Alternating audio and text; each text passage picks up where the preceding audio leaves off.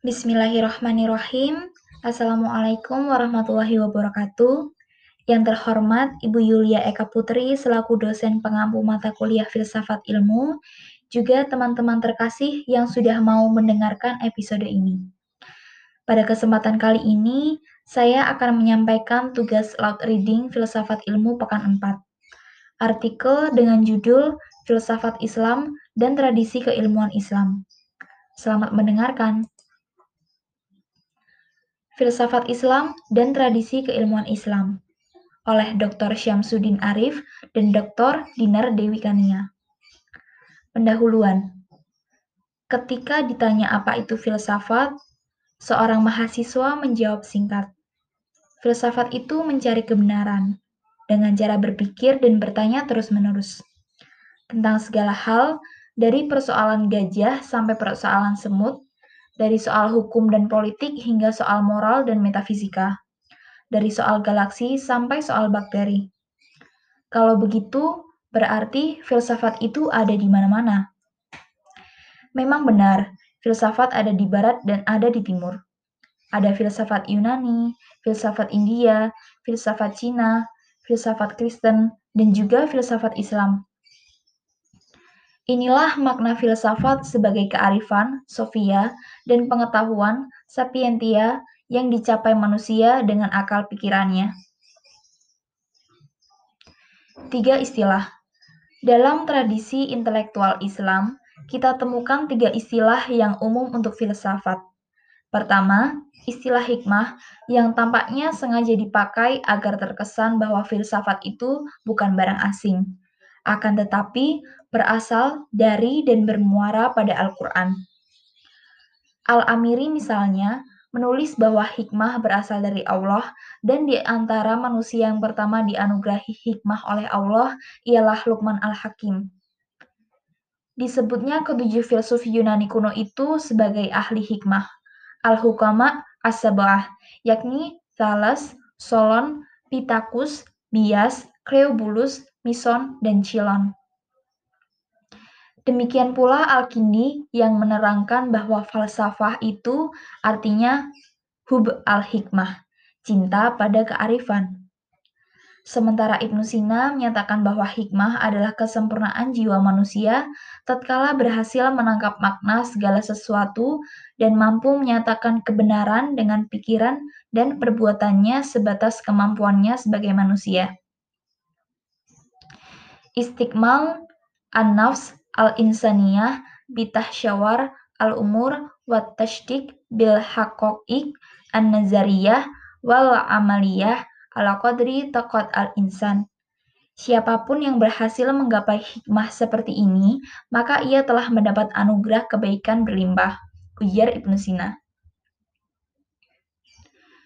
Sudah barang tentu tidak semua orang setuju dengan istilah ini.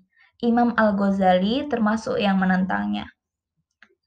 Menurut beliau, lafat hikmah telah dikorupsi untuk kepentingan filosof.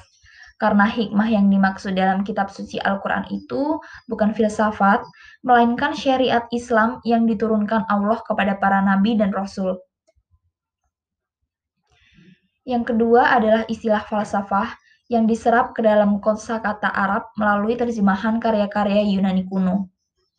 Definisinya diberikan oleh Al-Kindi. Filsafat adalah ilmu yang mempelajari hakikat segala sesuatu sebatas kemampuan manusia. Filsafat teoritis mencari kebenaran, manakala filsafat praktis mengarahkan pelakunya agar ikut kebenaran. Berfilsafat itu berusaha meniru perilaku Tuhan.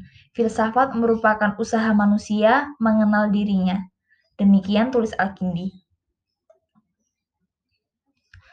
Sekelompok cendekiawan bernama Ikhwan Asyafa menambahkan, filsafat itu berangkat dari rasa ingin tahu. Adapun puncaknya adalah berkata dan berbuat sesuai dengan apa yang Anda tahu.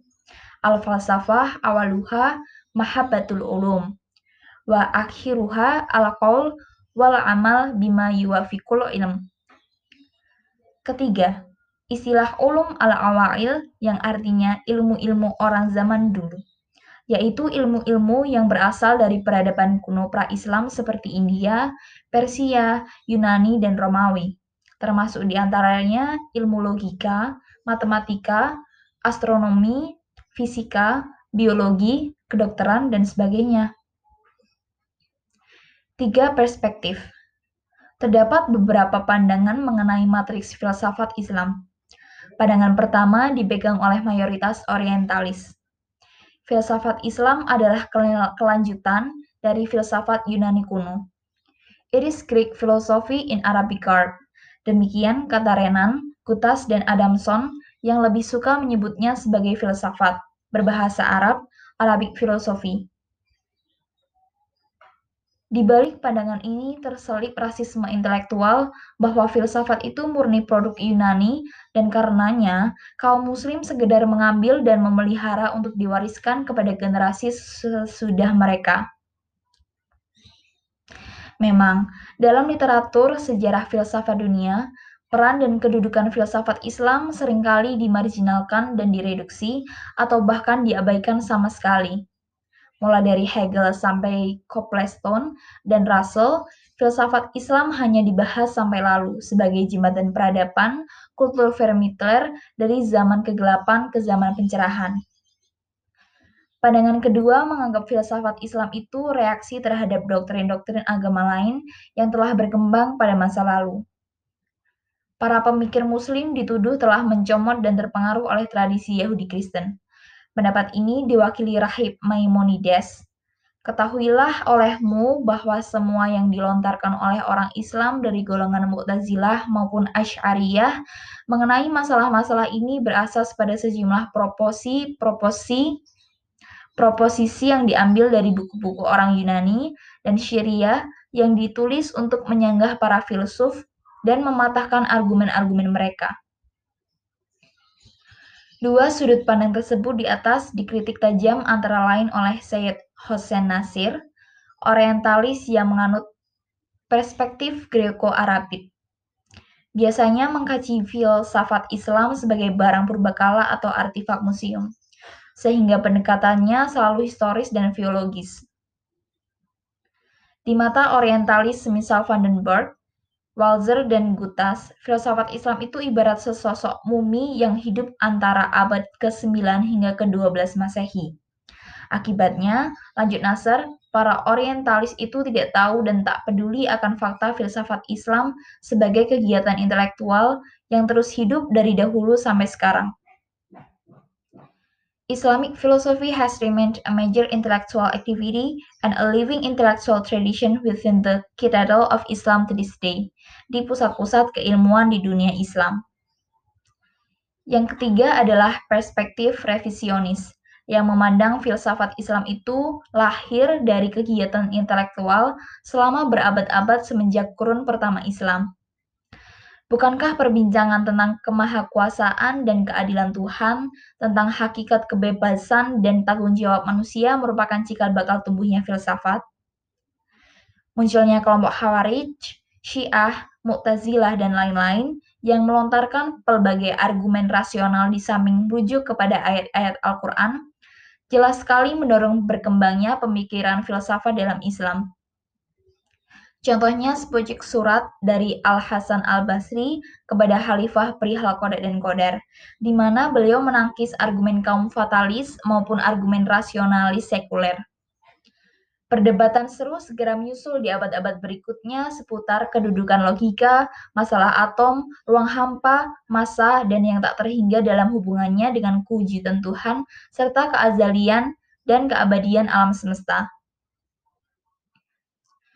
Pandangan revisionis ini diwakili antara lain oleh M. M. Sharif, Oliver Lehman, dan Alparslan Achikens. Filsafat Islam tidak bermula dengan Al-Kindi dan berhenti dengan kematian Ibnu Rushd. Sebagai produk dialektika unsur-unsur internal umat Islam itu sendiri, bangunan filsafat Islam dapat ditemukan fondasinya dalam kitab suci Al-Quran yang menduduki posisi sentral dalam kehidupan spiritual intelektual kaum muslim.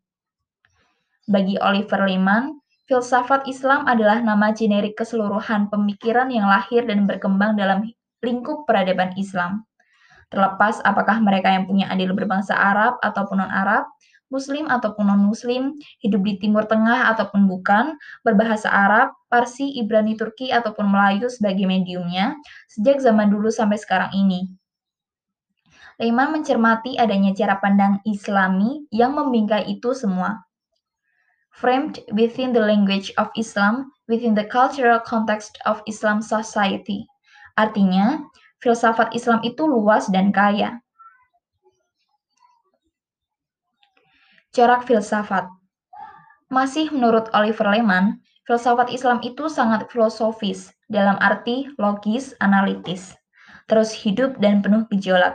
Tidak sekedar melanjutkan tradisi sebelumnya, akan tetapi juga memperlihatkan terobosan-terobosan kreatif dalam menjawab persoalan-persoalan klasik maupun modern. Much Islamic philosophy, like much philosophy of any kind, is just the accretion of new technical representation of existing issues, new traditions of thinking about problems and resolving difficult conceptual issues. Dilihat dari History of Islamic Philosophy, London, Routledge, 1996, halaman 1 sampai dengan 10. Pernyataan serupa diutarakan oleh pakar-pakar filsafat dari Mesir seperti Ibrahim Matkur, Mustafa Abdul Rozik, dan Syekh Abdul Halim Mahmud. Filsafat Islam itu islami dari empat segi. Pertama, dari sisi masalah-masalah yang dibahas. Kedua, dari aspek konteks sosiokulturnya. Ketiga, dari sudut faktor-faktor pemicu serta tujuan-tujuannya. Dan keempat, dari kenyataan bahwa para pelakunya hidup di bawah naungan kekuasaan Islam. Dilihat di Matkur al-Falsafah al-Islamiyah, Manhaj Watat di Kuhu halaman 19. Memang jika ditelusuri dan diteliti karya-karyanya, para filsuf muslim bukan semata-mata membeo atau sekedar mereproduksi apa yang mereka pelajari dari ahli pikir Yunani kuno. Mereka tidak pasif reseptif, tidak menerima bulat-bulat atau menelan mentah-mentah tanpa resistensi dan sikap kritis. Sebaliknya, para pemikir muslim semisal Ibnu Sina, Al-Baghdadi, dan Ar-Razi mengupas dan mengurai, melakukan analisis dan elaborasi, menjelaskan dan menyanggah, melontarkan kritik, memodifikasi dan menyaring, mengukuhkan dan menambahkan, memperkenalkan konsep-konsep baru, atau menyuntikkan makna baru pada istilah-istilah yang sudah ada, dan menawarkan solusi-solusi baru untuk persoalan-persoalan perennial dalam filsafat. Selain berhasil menelurkan sintesis cemerlang dan membangun sistem pemikiran tersendiri, para filsuf muslim terutama berhasil mengakomodasi khasanah keilmuan Yunani kuno dalam kerangka pandangan hidup, Welstanschauung Islam. Dengan kata lain, mereka berupaya mengislamkannya. Maka yang terjadi adalah islamisasi filsafat secara negatif, yaitu pengenyahan unsur-unsur kufur, dan positif, pemasukan unsur-unsur islami. Kontroversi filsafat Islam Kendati termasuk bagian dari tradisi intelektual Islam, tidak sedikit yang antipati terhadap filsafat, bukan pertama sebagai sikap mental, proses nalar, dan kearifan, melainkan filsafat. Yang kedua, sebagai barang impor yang mengandung unsur-unsur ateisme, sekularisme, relativisme, pluralisme, dan liberalisme. Filsafat dalam pengertian kedua inilah yang ditolak oleh para ulama muslim, yaitu filsafat yang mengiring pelakunya kepada sikap anti Tuhan dan anti agama, mendewakan akal, melecehkan nabi, dan sebagainya. Di abad kelima Hijriah, Imam Al-Ghazali melepaskan pukulan keras terhadap filsafat dalam karyanya, Tahafut al-Falasifah, di mana beliau menganggap kufur tiga doktrin filsafat. Pertama, keyakinan filsuf bahwa alam ini kekal. Kedua, pernyataan mereka bahwa Tuhan tidak mengetahui perkara-perkara detail. Dan ketiga, pengingkaran mereka terhadap kebangkitan jasad di hari kiamat. Fatwa yang begitu keras melarang pengajaran filsafat juga dikeluarkan oleh Ibnu As-Solah. Filsafat adalah pangkal kebodohan dan penyelewengan, kebingungan dan kesesatan. Siapa yang berfilsafat, maka butalah hatinya akan keutamaan syariah suci yang ditopang dalil-dalil dan bukti-bukti yang jelas. Siapa mempelajarinya akan bersamaan kehinaan, tertutup dari kebenaran, dan terbedaya oleh setan. Adapun filsafat dalam pengertian pertama, dengan tujuan ganda membenarkan yang benar, ihqaq al-haq, dan membatalkan yang batil, ibtal al-batil secara rasional, persuasif, dan elegan, maka bisa dikategorikan fardu kifayah. Seperti rasa ingin tahu Nabi Ibrahim yang mendorongnya bertanya bagaimana Allah menghidupkan orang mati. Allah balik bertanya, apakah engkau belum percaya? Nabi Ibrahim menjawab, Aku percaya, akan tetapi aku bertanya supaya hatiku tentram, mantap. Jadi filsafat itu untuk mengokohkan kebenaran sekaligus menghapus keraguan. Tradisi keilmuan Islam, Islamic Scientific Tradition. Pada saat komunitas Islam terbentuk, tantangan serius pertama yang dihadapi umat Islam adalah tantangan moral dari kemerosotan yang dibawa oleh budaya jahiliyah. Kedua, tantangan kesusastraan yang dimiliki oleh budaya jahiliyah Terutama yang terpenting adalah ketika terjadi ekspansi Islam terhadap peradaban lainnya. Tantangan ketiga adalah adanya aktivitas keilmuan dan filosofis yang dibawa terutama dari budaya Helenistik. Semua tantangan intelektual tersebut tentunya tidak dapat dihadapi tanpa adanya para ulama atau cendekiawan yang terlatih dan mumpuni. Pakar filsafat Islam Al-Parslan sampai pada kesimpulan ini untuk membuktikan bahwa intelektualitas pada abad pertama kemunculan Islam telah memiliki fondasi yang memadai yang disebut contextual causes atau kebangkitan aktivitas keilmuan dan kemunculan tradisi keilmuan dalam Islam. Tantangan spekulatif dari peradaban sebelumnya terutama budaya jahiliyah dan adanya motivasi dari Al-Quran bahwa manusia memiliki tanggung jawab moral dan religius seperti khilafah di bumi dan alam semesta membuat generasi pertama Islam mulai berspekulasi terhadap beberapa masalah tertentu yang muncul saat itu. Pada masa kenabian, ketika umat Islam berhadapan dengan permasalahan-permasalahan tersebut, Nabi Muhammad Shallallahu Alaihi Wasallam akan menguraikan dan menjelaskan dengan bimbingan wahyu. Hal ini merupakan proses yang berkelanjutan dalam konstruksi Islamic worldview.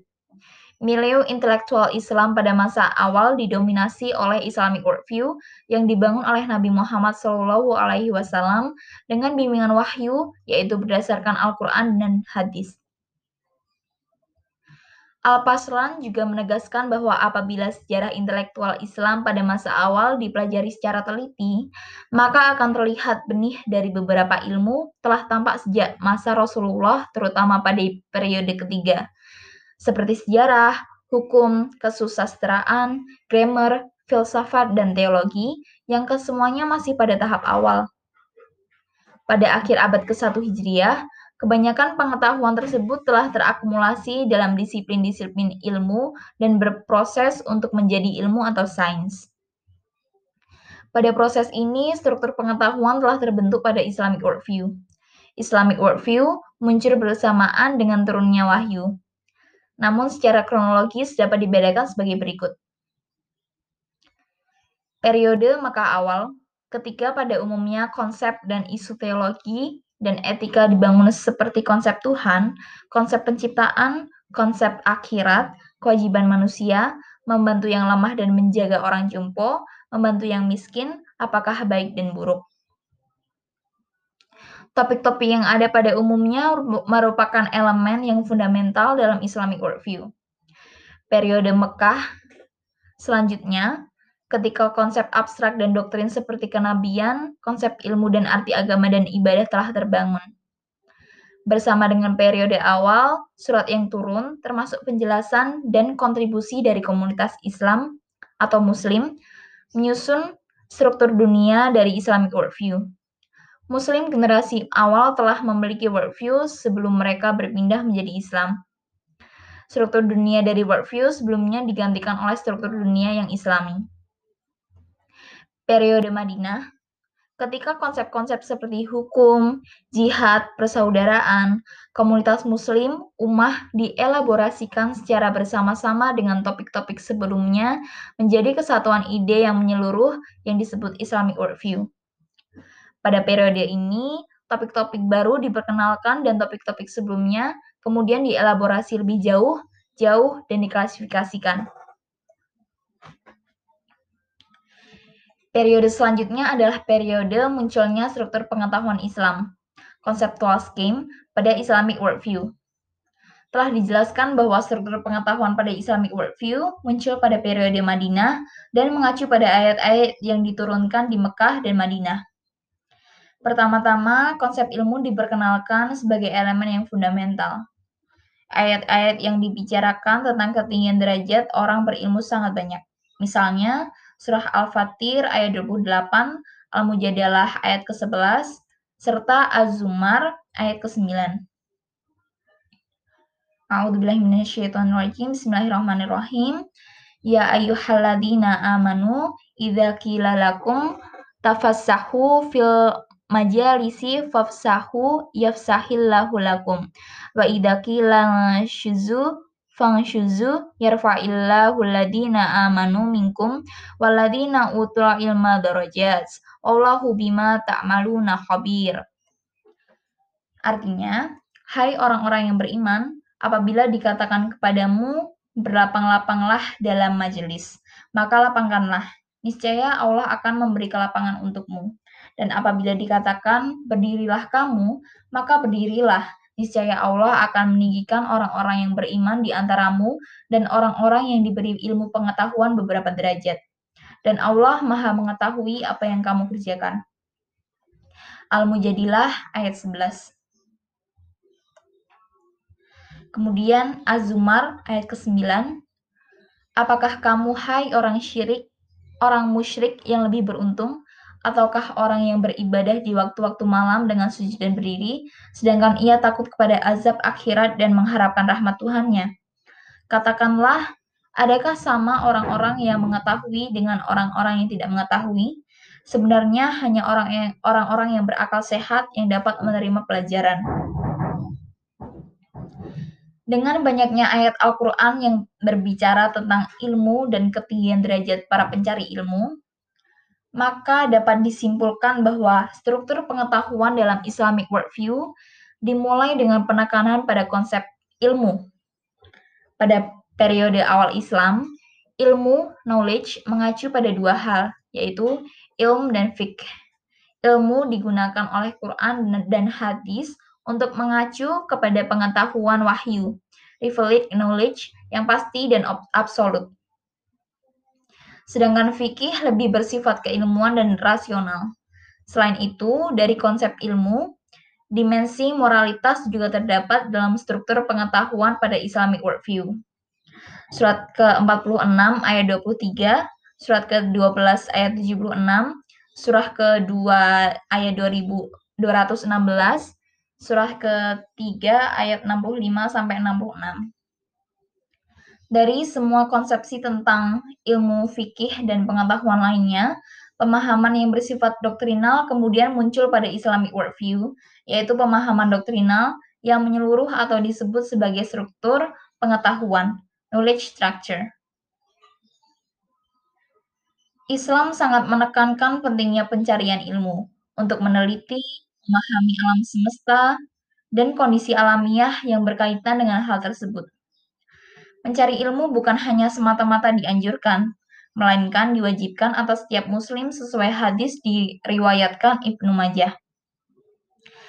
Mencari ilmu adalah wajib bagi setiap muslim, sehingga tidak dapat dipungkiri bahwa hasil dari aktivitas pencarian ilmu yang menyeluruh ini akhirnya membentuk hubungan dari konsep-konsep yang pada akhirnya menghasilkan skema konseptual keilmuan, the scientific conceptual scheme.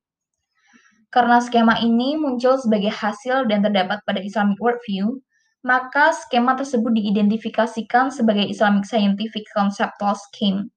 Sebagaimana telah dijelaskan sebelumnya, apabila skema tersebut muncul pada masyarakat atau peradaban tersebut, maka hal tersebut dinamakan tradisi keilmuan, scientific tradition, Atau dengan kata lain, dapat disimpulkan bahwa Islamic Scientific Conceptual Scheme tersebut merupakan dasar atau fondasi dari munculnya tradisi keilmuan Islam. Kemunculan tradisi keilmuan Islam dimulai dari Islamic worldview, the first framework, kemudian muncul conceptual scheme atau the second framework, kemudian the rise of scientific consciousness, uh, dilanjut the rise of special science, terdapat fikih, hadis, tafsir, history, linguistic sciences, uh, kemudian revisions of the second framework lead to the rise of scientific conceptual scheme, uh, menghasilkan the emerge of Islamic scientific tradition, emergence of kalam as a science. Sumber dari Alparslan Achikens.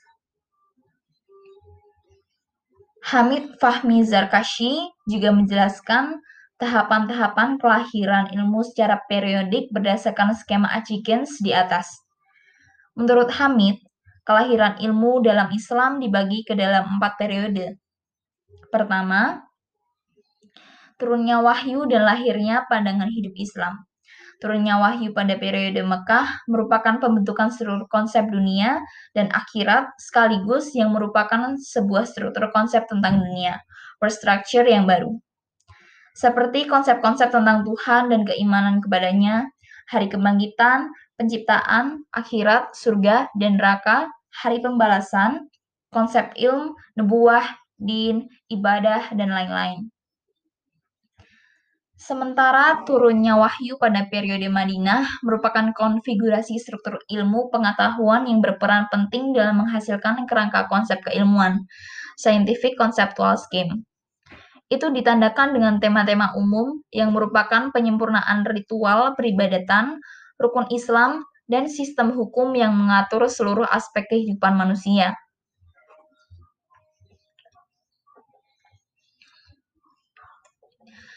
Periode kedua adalah lahirnya kesadaran bahwa wahyu yang turun tersebut mengandung struktur ilmu pengetahuan, seperti struktur konsep tentang kehidupan, struktur konsep tentang dunia, tentang ilmu pengetahuan, tentang etika, dan tentang manusia, yang kesemuanya itu sangat potensial bagi timbulnya kegiatan keilmuan.